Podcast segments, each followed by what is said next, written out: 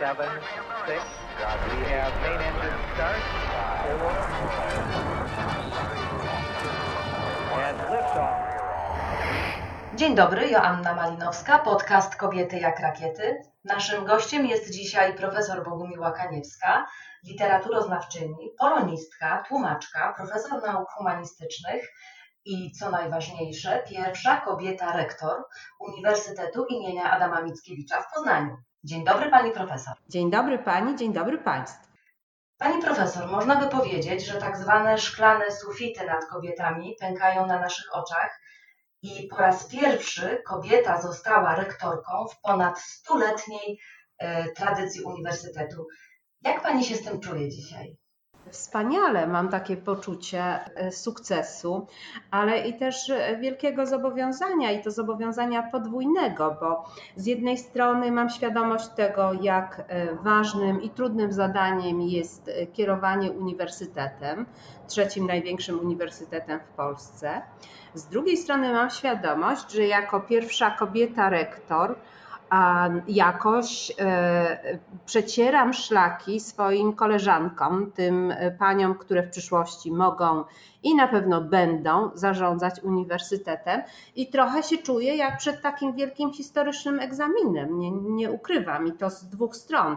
Z jednej strony ze względu na społeczność akademicką, a z drugiej strony ze względu na opinię publiczną, która pewnie będzie bacznie obserwować to, jak ta kobieta sobie radzi na takim nietypowym E, stanowisku, choć w tej kadencji e, wiele pań zostało, zostało już wybranych na e, funkcje rektorskie. Od pewnego czasu to się zmienia. Ta kadencja jest też przełomowa, jest nas w tej chwili 12, być może jeszcze dołączy 13, 13 pani rektor. Z tym, że w tych największych uniwersytetach na razie jestem y, nieco, nieco osamotniona, także czekam na dalsze zmiany. Pani profesor, przejdziemy za chwileczkę do tego momentu przełomowego dla uniwersytetu i dla Pani pewnie również. Natomiast jak to jest, Pani profesor? Czy kobiety nie wygrywają dlatego, że w ogóle nie stają w szranki?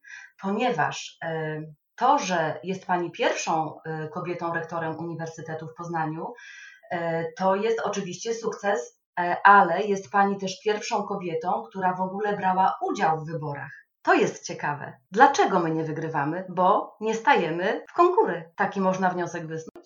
No niestety tak, niestety tak. Nie, nie, jest jakiś stary dowcip, e, kiedy Kuba modli się do Boga, żeby pozwolił mu wygrać e, na loterii. Pan Bóg na to się odzywa Kuba, ale daj mi szansę, kup los. No, jeżeli tego losu nie, nie kupimy, to nie będziemy mieć szansy. Poważnie, poważnie rzecz biorąc, y, rzeczywiście tak się stało i trochę się tym pocieszałam też w kampanii wyborczej, że nawet jeśli mi się nie uda, to będę tą pierwszą, która odważyła się w ogóle kandydować e, do stanowiska rektora Uniwersytetu imienia Adama Mickiewicza w Poznaniu. Byłam też pierwszą dziekan Wydziału Filologii Polskiej i Klasycznej i tutaj, e, tutaj mm, bardzo wiele zawdzięczam swoim kolegom, którzy po prostu mnie bardzo intensywnie namawiali do tego, żebym zdecydowała się kandydować do, e, do tej funkcji, bo miałam taki typowo kobiecy opór, ja sama przed, przed laty. Ja myślę, że mamy za, za, za mało wiary we, we własne siły, zbyt, zbyt, rzadko próbujemy. E, może się trochę boimy, boimy porażki. E, a no, porażkę trzeba, trzeba też wkalkulować w momencie, kiedy się staje w takim, e, w takim konkursie. Ale ostatnio coraz częściej słyszę, że kobiety są konsekwentne, uparte, pragmatyczne, dobrze sobie radzą w, w rozmaitych sytuacjach, w sporcie na przykład.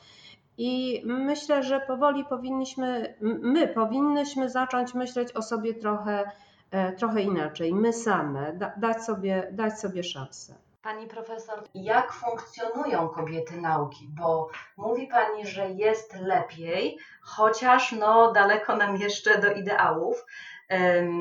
W historii w ogóle polskich, tych dużych, tradycyjnych uniwersytetów z tradycjami kilkusetletnimi, nawet no, wielowiekowymi, E, jest Pani e, drugą kobietą rektor, bo pierwsza była profesor Katarzyna Hałasińska-Macukow na Uniwersytecie Warszawskim. Wobec tego, jak kobiety na uniwersytetach funkcjonują, bo profesorek jest dużo, a na stanowiskach e, właśnie dziekanów, dziekanek, rektorów, rektorek już niewiele. Skąd to się bierze? E, ja, ja myślę, że, że w dużym stopniu właśnie z takiego, z takiego stereotypowego myślenia i to niekoniecznie otoczenia, ale także samych pań, które e, obawiają się czasem podjęcia takich stanowisk, bo boją się, że sobie, sobie nie poradzą. I dlatego im więcej jest nas kobiet w, w takich, na takich wysokich stanowiskach, tym bardziej widoczne jest to, że ten stereotyp jest po prostu nieprawdziwy. Jeżeli chodzi o sytuację kobiet, kobiet w nauce, to powiedziałabym tak.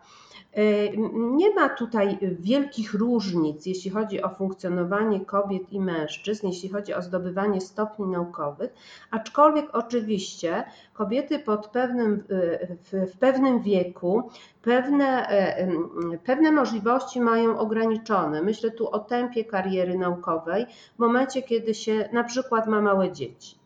Wtedy rzecz jasna pojawia się taki moment e, naturalnego spowolnienia, w związku z czym e, panie trochę później zdobywają, zdobywają na przykład tytuły, e, tytuły profesorskie, ale zdobywają je i powiedziałabym, że wydaje się, że coraz bardziej się ta, ta, ta, ta, ta sytuacja przełamuje. Jest dużo kobiet na stanowiskach szefów zespołów badawczych, zakładów, instytutów, ale na te najwyższe stanowiska jak ciągle jeszcze mamy bardzo wyraźnie zaburzone proporcje. To znaczy jest mniej więcej równowaga płci w nauce, w niektórych dyscyplinach jest, e, niektóre dyscypliny są sfeminizowane, natomiast jeżeli patrzymy na najwyższe stanowiska i na tę kadrę zarządzającą uczelniami, to tam zdecydowanie e, prze, przeważają, e, przeważają panowie. I ja powiem szczerze, ja się nie spotkałam z jakimś takim wymierzonym przeciwko mnie celowym działaniem,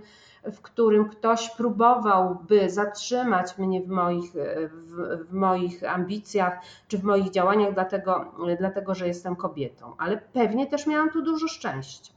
Pani profesor, za momencik wrócimy do e, stereotypów, e, natomiast chciałabym jeszcze podsumować e, temat Pani urzędu, który obejmie Pani 1 września. Wraz z Panią nastaje nowa era. Jakie będą Pani rządy? Co chciałaby Pani zmienić? Po pierwsze, zaprotestowałabym przeciwko słowu rządy. Uniwersytet jest strukturą demokratyczną, ja do tej idei demokratycznego uniwersytetu jestem bardzo, bardzo przywiązana. To raczej zarządzanie. Pamiętajmy, że tym najwyższym uchwałodawczym organem w uniwersytecie jest senat, a e, rektor to jest tak zwana władza wykonawcza i, i zespół rektorski. Chciała, co, co, co chciałabym zmienić? Chciałabym przede wszystkim wykorzystać te szanse, które przed nami stanęły, to znaczy szansa, szanse rozwoju naukowego dzięki projektowi Uniwersytet Badawczy i szanse rozwoju międzynarodowego dzięki projektowi Uniwersytet e, Europejski. Ale tym, co y, według mnie jest najważniejsze w tej chwili, e, to zmiana kultury organizacyjnej, to y, zwiększenie ilości szkoleń dla pracowników i to tak zawodowych, tych profesjonalnych, jak i szkoleń o charakterze takich umiejętności miękkich, na przykład postępowań z, z osobami o określonych dysfunkcjach, czyli na przykład z osobami niesłyszącymi, e, postępowanie z osobami w kryzysie psychicznym, ale także szkolenia z zakresu takiej efektywności pracy. I kolejna rzecz, bardzo chciałabym, by na naszym uniwersytecie funkcjonował urząd ombudsmana, tak żebyśmy się uczyli mm, y, rozmaite konflikty czy problemy rozwiązywać między sobą w sposób maksymalnie y, pokojowy, poprzez rozmowę, mediację, debatę i także po to, żeby pracownicy na naszej uczelni i studenci czuli się bezpiecznie i wiedzieli, że w momencie, kiedy dzieje się coś, y, co im się nie podoba, myślę o rozmaitych na przykład formach dyskryminacji, to mają się do kogo be, bezpiecznie zwrócić. Wcześniej w rozmowie powiedziała mi Pani, że trzeba być po prostu sobą. Jak to pogodzić? Co Pani o tym myśli? Z jednej strony profesjonalne zarządzanie, a z drugiej bycie sobą. Można to pogodzić? Moim zdaniem można. Ja nigdy nie miałam takiego poczucia, że e, w momencie, kiedy zarządzałam, czy mniejszą, czy większą grupą osób, jakoś się kłóciłam sama, sama ze sobą. To znaczy, zawsze dla mnie e, pierwszym przykazaniem w zarządzaniu jest dbałość o ludzi, o człowieka, o pojedynczego człowieka, pojedynczego studenta, o grupę ludzi. Oczywiście ja mam świadomość tego, że zdarza się tak, że trzeba rozstrzygnąć, że trzeba, że, że nie, nie jesteśmy w stanie Mm, działać tak, żeby, żeby, spełniać wszystkie, mm, żeby spełniać wszystkie życzenia i po prostu chodzi o to, żeby zawsze wybierać rozwiązania lepsze dla instytucji, czyli dla y, tej grupy ludzi, którą zarządzamy, ale równocześnie też moim zdaniem nie można tracić e, z oczu tego, że życie często się nie, niechętnie podporządkowuje przepisom, że czasem trzeba złagodzić trochę swoje stanowisko, żeby komuś pomóc, czy żeby zapobiec e, jakimś, no, jakimś nie, nie, nieprzyjemnym zdarzeniom, dać drugą szansę. Tak to widzę. Ja zawsze w taki, w taki sposób postępowałam, ale równocześnie też to takie zarządzanie ze względu na człowieka ma także, ma także swoje, swoje granice, czyli tej szansy nie daje się w nieskończoność. W pewnym momencie mówimy stop, to już jest ostatnia Twoja szansa, wykorzystaj ją. To, to pierwsza rzecz. A druga rzecz to taka, że ja w życiu, może dlatego, że jestem poznanianką, jestem dosyć racjonalna i, i, pragmatyczna. I tak samo też zachowywałam się w zarządzaniu. I zawsze też starałam się, żeby moje decyzje były wzmocnione decyzjami zespołu, z którym współpracuję. Czyli poprzedzała je dyskusja, rozmawialiśmy i razem wypracowywaliśmy takie stanowisko, które później wcielaliśmy, wcielaliśmy w życie. To jest bardzo ważne, bo, bo wtedy człowiek się czuje trochę bezpieczniejszy, kiedy mówi: Dobrze, ja podjęłam taką decyzję, ale podjęłam ją po dyskusjach i więcej osób tak, tak myśli E, tak myśli jak ja. I ja, ja nie widzę tu sprzeczności. No, nie, nie sądzę, żebym jakoś zasadniczo się e, jako człowiek zmieniała pod wpływem funkcji. Pod wpływem doświadczenia i wieku pewnie tak, natomiast pod wpływem funkcji no, no pewnie trochę też, ale nie, nie mam poczucia takiego, że robię y, y, coś, co nie jest zgodne z moim myśleniem, z moim sumieniem, z tym, jaka jestem to jest e, kobiecy styl zarządzania w najlepszym tego słowa znaczeniu, ale jednak kobiecy. Czy dostrzega Pani różnicę w osiąganiu celów, sukcesów pomiędzy mężczyznami i kobietami? Bo dodam jeszcze tylko, że to e, dostrzeganie człowieka, to traktowanie indywidualne widać doskonale w Pani podejściu do studentów bo jeszcze cały czas jest Pani prorektorką do spraw studenckich i do Pani przychodzą studenci nie tylko ze sprawami życiowymi, nie tylko z urzędowymi, ale właśnie życiowymi. Często zwierzają się Pani. Y, myślę, że mm, to niekoniecznie jest zachowanie typowe dla mężczyzn, czy nawet zadawanie sobie pytań y, w stylu, czy jestem tutaj sobą, czy dostrzegam drugiego człowieka.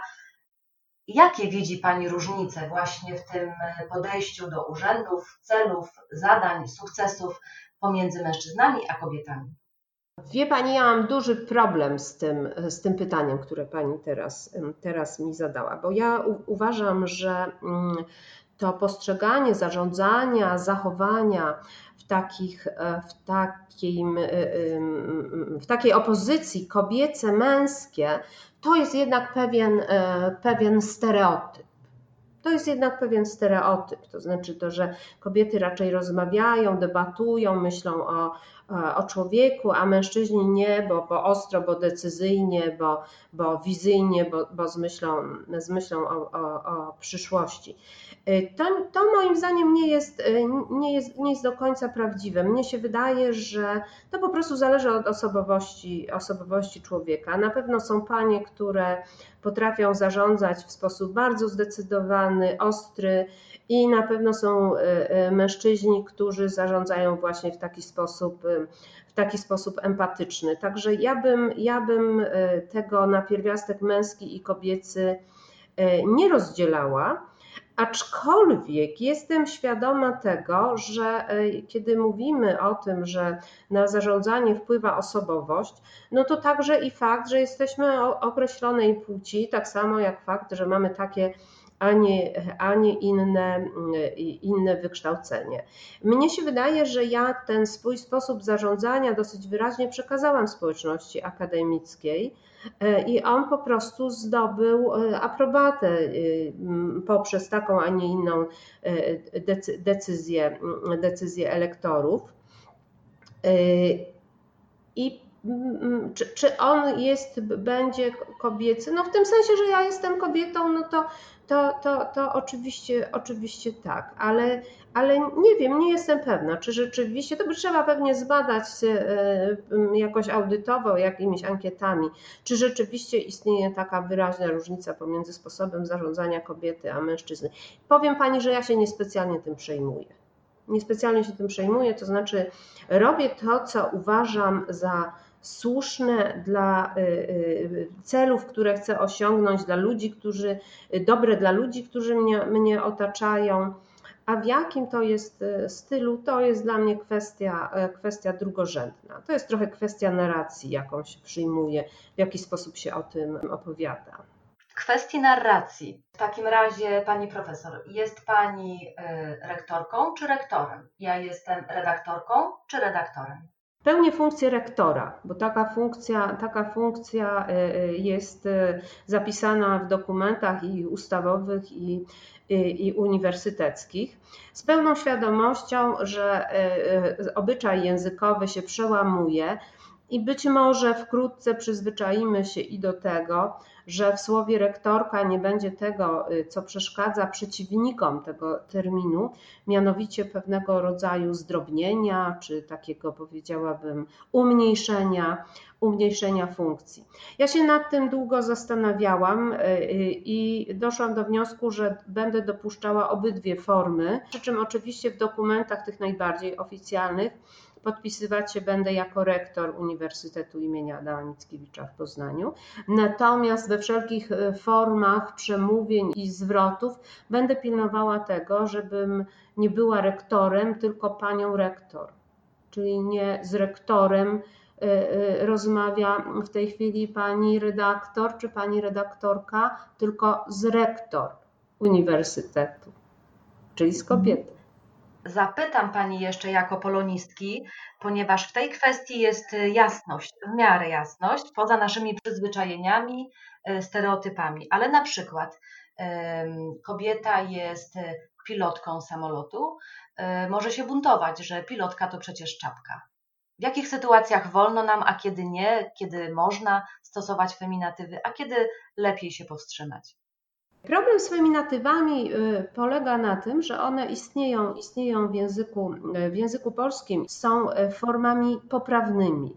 Natomiast są kobiety, których te feminatywy rażą i rzeczywiście panie nie chcą być na przykład pilotkami. Pewna grupa pań mi powiedziała, że one nie chcą być kierowniczkami, bo kierowniczki to są w przedszkolu, a one są kierownikami.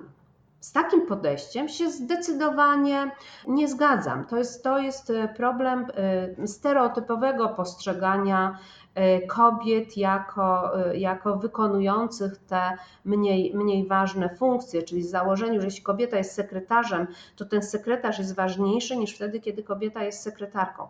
To jest kwestia właśnie przyzwyczajeń, przyzwyczajeń językowych. I pytanie teraz brzmi tak czy to przyzwyczajenie językowe da się, da się przezwyciężyć? My w krótkiej perspektywie czasowej nie jesteśmy w stanie odpowiedzieć na to pytanie, ale być może tak, być może my przywykniemy do tego, że używamy form, form żeńskich e, bez problemu, bez jakiegoś takiego oporu. Ale pamiętajmy, że język jest bogaty i ma rozmaite możliwości nazywania tych samych zjawisk i nie ma nic złego w tym, że będziemy kobietę, y, która pilotuje samolot, nazywać pilotem bądź pilotką. Ona może mieć prawo do takiego, a nie, y, nie innego wyboru. Tak jak y, książkę fizycznie możemy nazwać tomem, możemy nazwać wolumenem i jeszcze całe mnóstwo rozmaitych synonimów tutaj się pojawia. Jest Pani literaturoznawczynią, ale również, a może przede wszystkim, miłośniczką literatury.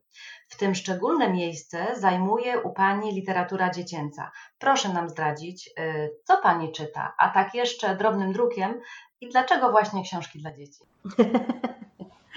A to jest ciekawa historia, dlatego że ja przez całe swoje życie zajmowałam się raczej książkami dla dorosłych i to takimi trudnymi z, z, taki, z takiego obszaru literatury najnowszej, eksperymentów, eksperymentów artystycznych. I kiedyś jedna z moich koleżanek zupełnie poważnie powiedziała mi, że właściwie e, e, popełniam nawet nie, nie błąd, tylko taką moją cechą jest to, że zajmuję się wyłącznie e, tą literaturą główną, a nie literaturą peryferyjną.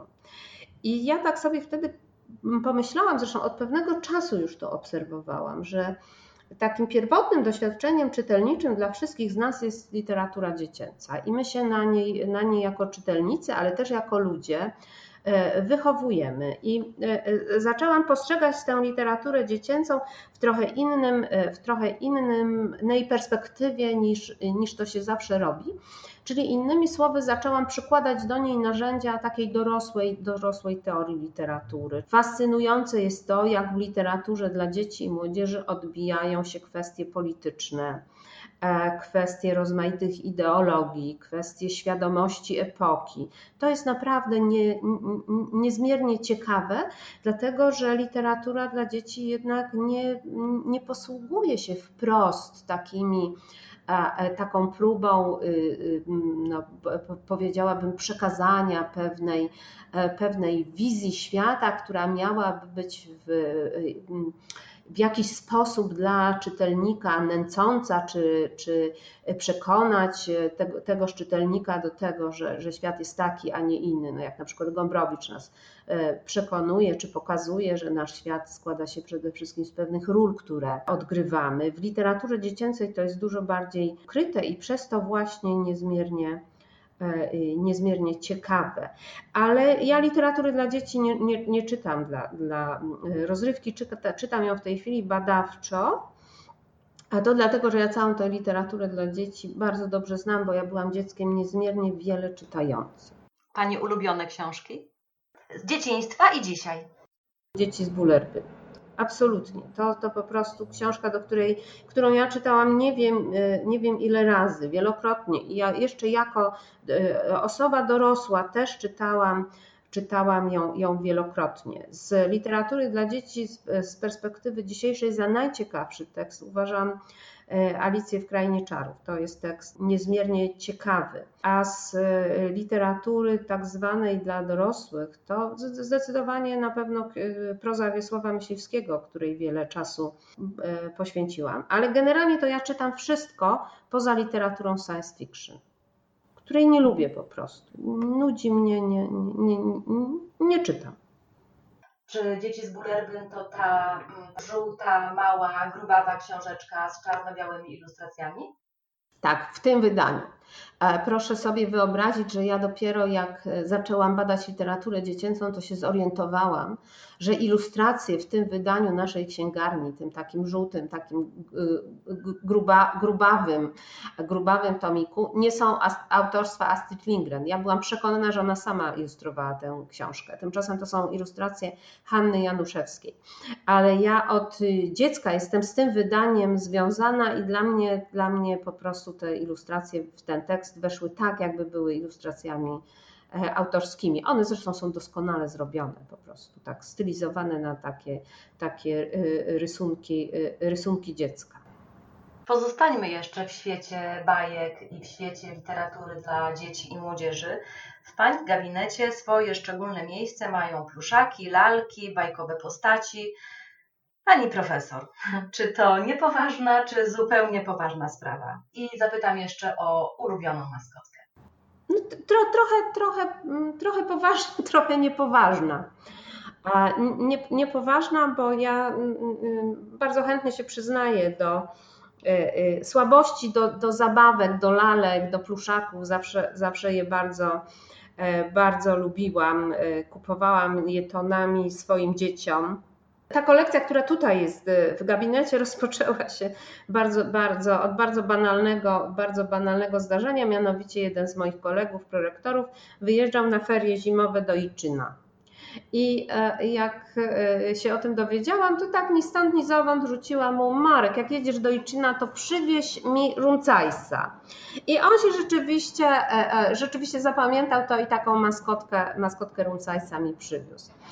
E, I później byłam bodaj, e, e, gdzieś, gdzieś wyjechałam i kupiłam misia Paddingtona I, i tak to poszło. Tak to zaczęły się zbierać. Początkowo miała to być kolekcja bohaterów literackich, no ale jak dostałam w którymś momencie Bolka i Lolka i misia Uszatka, czyli bohaterów filmów animowanych, Dobranocek, to stwierdziłam, że jednak nie mogę ich wykluczyć z tej, z tej kolekcji.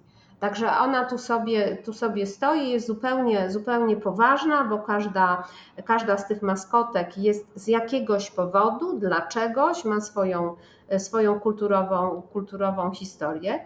A przy okazji powiem szczerze, że bardzo ociepla gabinet. Jak kiedyś przyszła tu grupa przedszkolaków, to po prostu naprawdę miały te dzieci co robić, kiedy zgad najpierw zgadywały, odpowiadały kto jest kim, a potem się po prostu tymi pluszakami bawiły. To bardzo, było, bardzo to było miłe.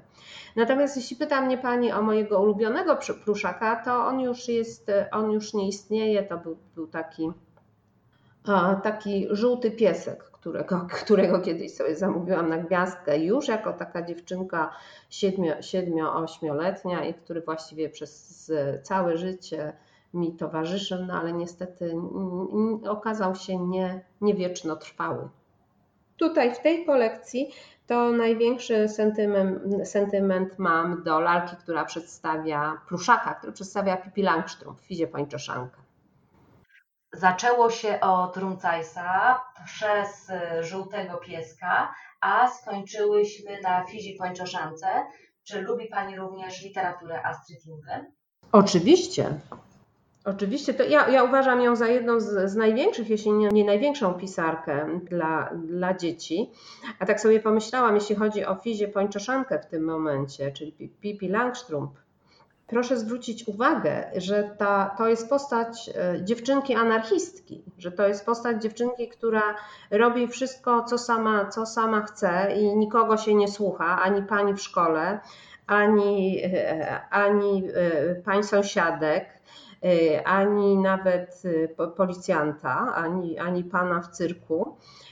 I to pokazuje, właśnie przykład Fizi Pańczaszanki pokazuje, jak bardzo literatura dla dzieci kształtuje nasze nasze, nasze postawy. Mówi się, że czasem, że ta fizja jest taka antypedagogiczna, bo ona niekoniecznie, niekoniecznie jest taka grzeczniutka, tak samo jak Alicja e, w Krainie Czarów. Też chce być grzeczna, ale jak się okazuje, że, że ta grzeczność przeszkadza jej w pójściu dalej, w zdobyciu czegoś, czego jest ciekawa, to ona po prostu tę grzeczność, tę grzeczność odrzuca. Czyli to są takie teksty, e, które uczą dziewczyny samodzielności Zwróćmy na, zwróćmy na to uwagę, że klasyczna powieść dla dziewczynek, ta pensjonarska, uczyła dziewczynki, jak być grzecznymi, dobrymi, dobrymi i miłymi.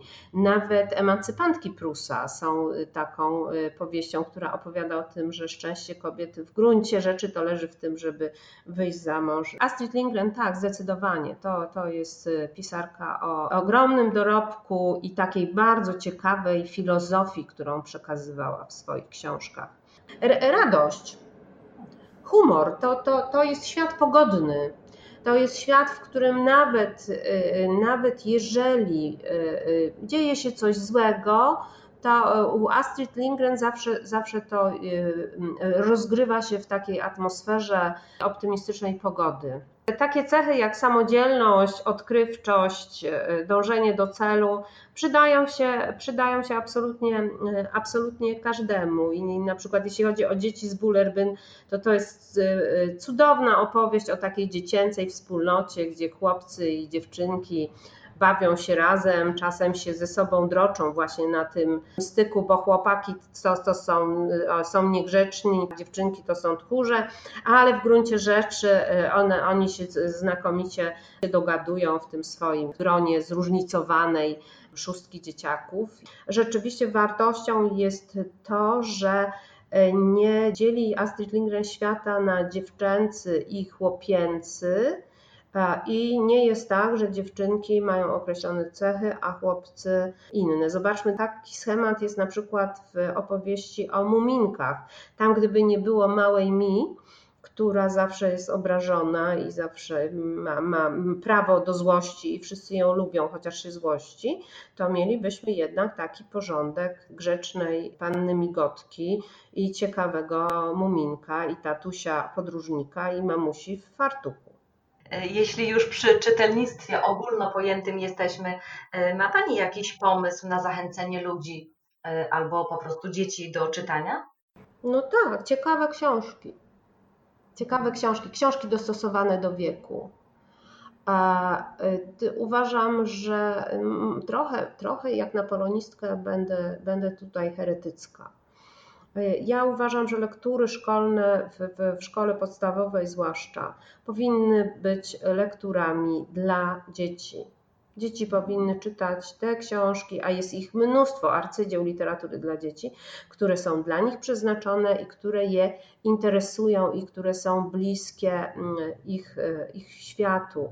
Na czytanie klasyki, nawet bardzo wybitnej, takiej jak na przykład Nasza Szkapa, albo Antek Prusa, przyjdzie jeszcze, jeszcze czas, bo człowiek, który czyta, sięga po, po, po różne rzeczy. Ale ja pamiętam, E, pracowałam krótko jako, na, jako nauczycielka i właśnie z, z czwartoklasistami omawiałam, e, omawiałam Antka Prusa i podczas sceny, kiedy Rozalkę, e, siostrę Antka, wkładano do pieca, jak, jak pamiętamy, to jest dramatyczna scena o, zabobo, o zabobonie, o tym jak, jak brak wykształcenia, brak wiedzy potrafi być niszczący, potrafi być morderczy wręcz to te dzieci się śmiały przy tej scenie.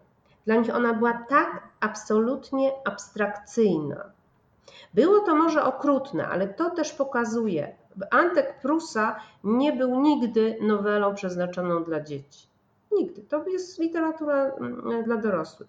Więc jeśli my chcemy to czytelnictwo rzeczywiście, ciekawość świata w dzieciach mm, budzić, to one powinny czytać takie książki, jakie im się podobają. Powinniśmy im trochę pozwolić wybierać sobie własne lektury. Jak się już zakochają w czytaniu, to się to, e, to, się to później dalej e, rozwija. Ja mam wokół siebie dużo czytających młodych ludzi i, bardzo, się z tego, bardzo się z tego cieszę. Na przykład czytającymi dorosłymi ludźmi są moje dzieci. Wyrastały w domu pełnym książek, gdzie się czytało gdzie czytało się im, czytać. Także to, żeby rodzice znajdowali trochę czasu, żeby dzieciom poczytać. A poczytać książkę po prostu. To jest moim zdaniem jedyna recepta. A propos dzieci, a propos literatury i a propos pełnionych przez Panią stanowisk, pozwolę sobie przytoczyć e, dosłownie kilka faktów, taką y, super esencję, powiedzmy. Zajmuje się Pani literaturą XX wieku, uprawia Pani krytykę literacką, tłumaczy prozę anglojęzyczną, w tym wspomnianą wcześniej Alicję w Krainie Czarów. Jest Pani autorką ośmiu książek, ponad 80 artykułów naukowych. Pisała Pani pracę z dziedziny teorii powieści, między innymi najbardziej znana Świat w granicach ja o narracji pierwszoplanowej. E, pisze Pani książki o charakterze popularyzatorskim. E, wspomnę o dwóch, Wiesław Myśliwski, wspomniany też wcześniej, i Henryk Sienkiewicz. Jest Pani współautorką podręczników szkolnych i akademickich. Jest Pani jurorką konkursów literackich, w tym Poznańskiej Nagrody Literackiej. Jest Pani promotorką prac licencjackich, magisterskich, doktoranckich. Przy tym pełni Pani te wszystkie funkcje na uniwersytecie i jeszcze jest Pani matką dwójki dzieci. Jak Pani to wszystko godzi? W momencie, kiedy, kiedy Pani e, wymienia te wszystkie, te wszystkie moje zajęcia, dokonania, to rzeczywiście brzmi nie, nieprawdopodobnie, ale proszę, proszę wziąć pod uwagę, że ja to robię od no, ponad 30 lat. To jest, to jest e, jakby taki, powiedziałabym, kwintesencja e, mojej pracy zawodowej prze, przez, przez te wszystkie lata. No, praca naukowa, i praca z literaturą na, tym, na, na, na tych właśnie zajęciach, pisaniu, czytaniu polega. No, trochę tu się E, też przy, przyplątało, powiedziałabym, tych, tych, funkcji roz, rozmaitych. No to nie, jest, to nie jest rzecz jasna łatwe, ale w tej chwili, momencie, od momentu, kiedy pełnię te najbardziej odpowiedzialne funkcje, moje dzieci właściwie są już dorosłe i samodzielne. Także trudno powiedzieć, no ja, ja, oczywiście cały czas są moimi dziećmi, ale ja już nie, nie, nie, mam, nie mam specjalnego udziału w ich życiu, zwłaszcza w tej codzienności, która była dużym obciążeniem w momencie, kiedy, kiedy one były, były młodsze i rzeczywiście, kiedy trzeba było się po prostu e, nimi opiekować, bawić, chodzić do lekarza, odprowadzać, doprowadzać itd. Tak itd. Tak ale ja często, często pracowałam, zwłaszcza jak, jak, dzieci były małe, to większość swoich zajęć robiłam studi ze studentami za, zaocznymi, bo tak było łatwiej, dlatego że ja byłam z dziećmi w tygodniu, a potem w, w ciągu weekendu zostawał mąż, a ja odrabiałam swoje pensum, e, swoje pensum dydaktyczne. Tak, tak to w pierwszych latach życia, e, kiedy one były małe, e, zorganizowaliśmy, tak się to udało zorganizować. I pamiętam, pamiętam taki egzamin, na który przyszła dziewczyna, wydawało mi się młodziutka dziewczyna, blondynka z takimi y, y, dużymi niebieskimi oczyma, wyglądała jak trochę jak porcelanowa laleczka, taka bardzo delikatna. I zda, zdała na piątkę, ja jej wpisałam tę piątkę i ona mówi, o jak ja się cieszę, e, że dostałam piątkę, bo wie pani, pani doktor, ja e, y, mam trójkę dzieci i studiuję i mąż nie jest zadowolony z tego, że ja studiuję. ja sobie wtedy pomyślałam, że właśnie te dziewczyny, które e, mają dzieci, mają rodziny, mają trudno, są lepiej zorganizowane niż te, które mogą e, się po prostu tylko, tylko uczyć.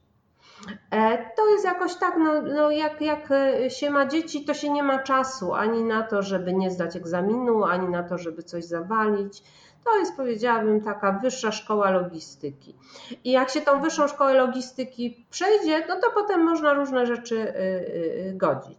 Kobiety są wielozadaniowe i sobie z tym, y, z tym jako, jakoś radzą i ja myślę, że to nie jest jakaś, jakiś wielki cud, bo Przecież dziewczyna, która pracuje, robi doktorat i, i ma na głowie dwójkę czy trójkę dzieci, ma wcale nie, nie mniej do, do roboty niż ja, łącząc funkcje mm, promotora, profesora, rektora itd. Tak itd. Tak Myślę, że w tym przykładzie może się przejrzeć e, wiele kobiet rzeczywiście.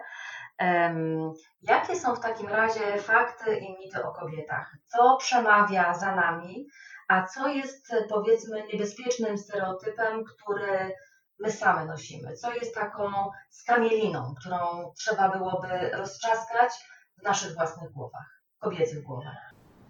No, tą skamieliną jest to słynne nie poradzę sobie.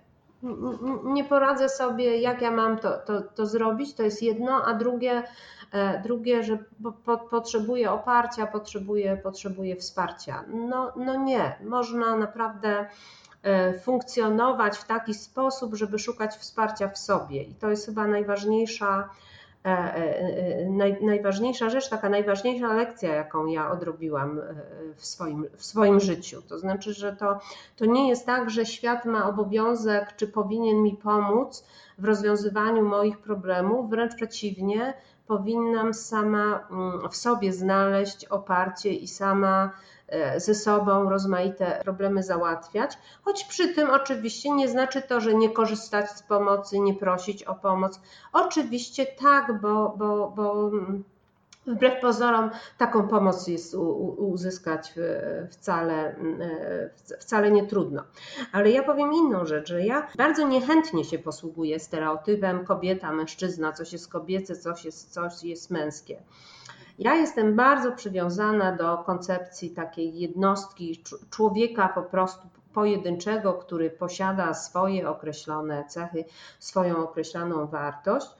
I w obrębie tych cech jest także to, że jest mężczyzną czy że jest e, kobietą, i wynikające z tego rozmaite inne, inne cechy, ale wolałabym na to patrzeć jednak w sposób pojedynczy. Po prostu po, pojedynczy, bo, bo znam wielu panów, którzy są na przykład bardzo empatyczni, bardzo wrażliwi. No i odwrotnie, odwrotnie też e, e, panie, które są bardzo ambitne, bardzo stanowcze i wydawałoby się, że tutaj jakiś tam stereotyp jest zakłócony. Także ja generalnie bardzo niechętnie postrzegam ludzi w kategoriach e, stereotypu i szczerze powiem, że sama też nie lubię być tak postrzegana.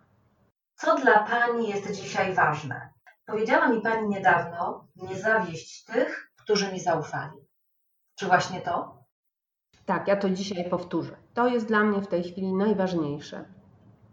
Nie zawieść tych, którzy mi zaufali. W momencie, kiedy y, zbliżał się termin wyborów i bardzo wiele osób y, okazywało mi wsparcie i taką wiarę we mnie, to najtrudniejszą myślą było, co, była myśl o tym, no tak, jak ja stanę przed nimi, jeżeli mi się, e, e, mi się nie uda. I teraz mam tę samą myśl, bo w całym mnóstwie życzeń i gratulacji, które otrzym, otrzymuję, a otrzymuję ich po prostu nieprawdopodobnie wiele, e, jest też taki motyw, taki wątek wiary we mnie, w to, że wszystko pójdzie dobrze, że y, będę y, zarządzać naszym uniwersytetem mądrze i to nie tylko od społeczności, y, społeczności akademickiej. I taka myśl, że mogłabym te, e, to zaufanie zawieść jest dla mnie taką, taką najtrudniejszą myślą, powiedziałabym.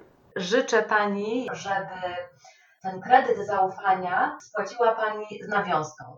Żebym spełniła te nadzieje, pani redaktor. Życzę pani spełnienia marzeń i dziękuję za rozmowę. Dziękuję bardzo. Naszym gościem była profesor Bogumiła Kaniewska, pierwsza kobieta rektor Uniwersytetu imienia Adama Mickiewicza w Poznaniu. Seria podcastów Kobiety jak rakiety realizowana jest przez Fundację imienia Julii Wojkowskiej. Patronem technologicznym projektu jest INEA SA.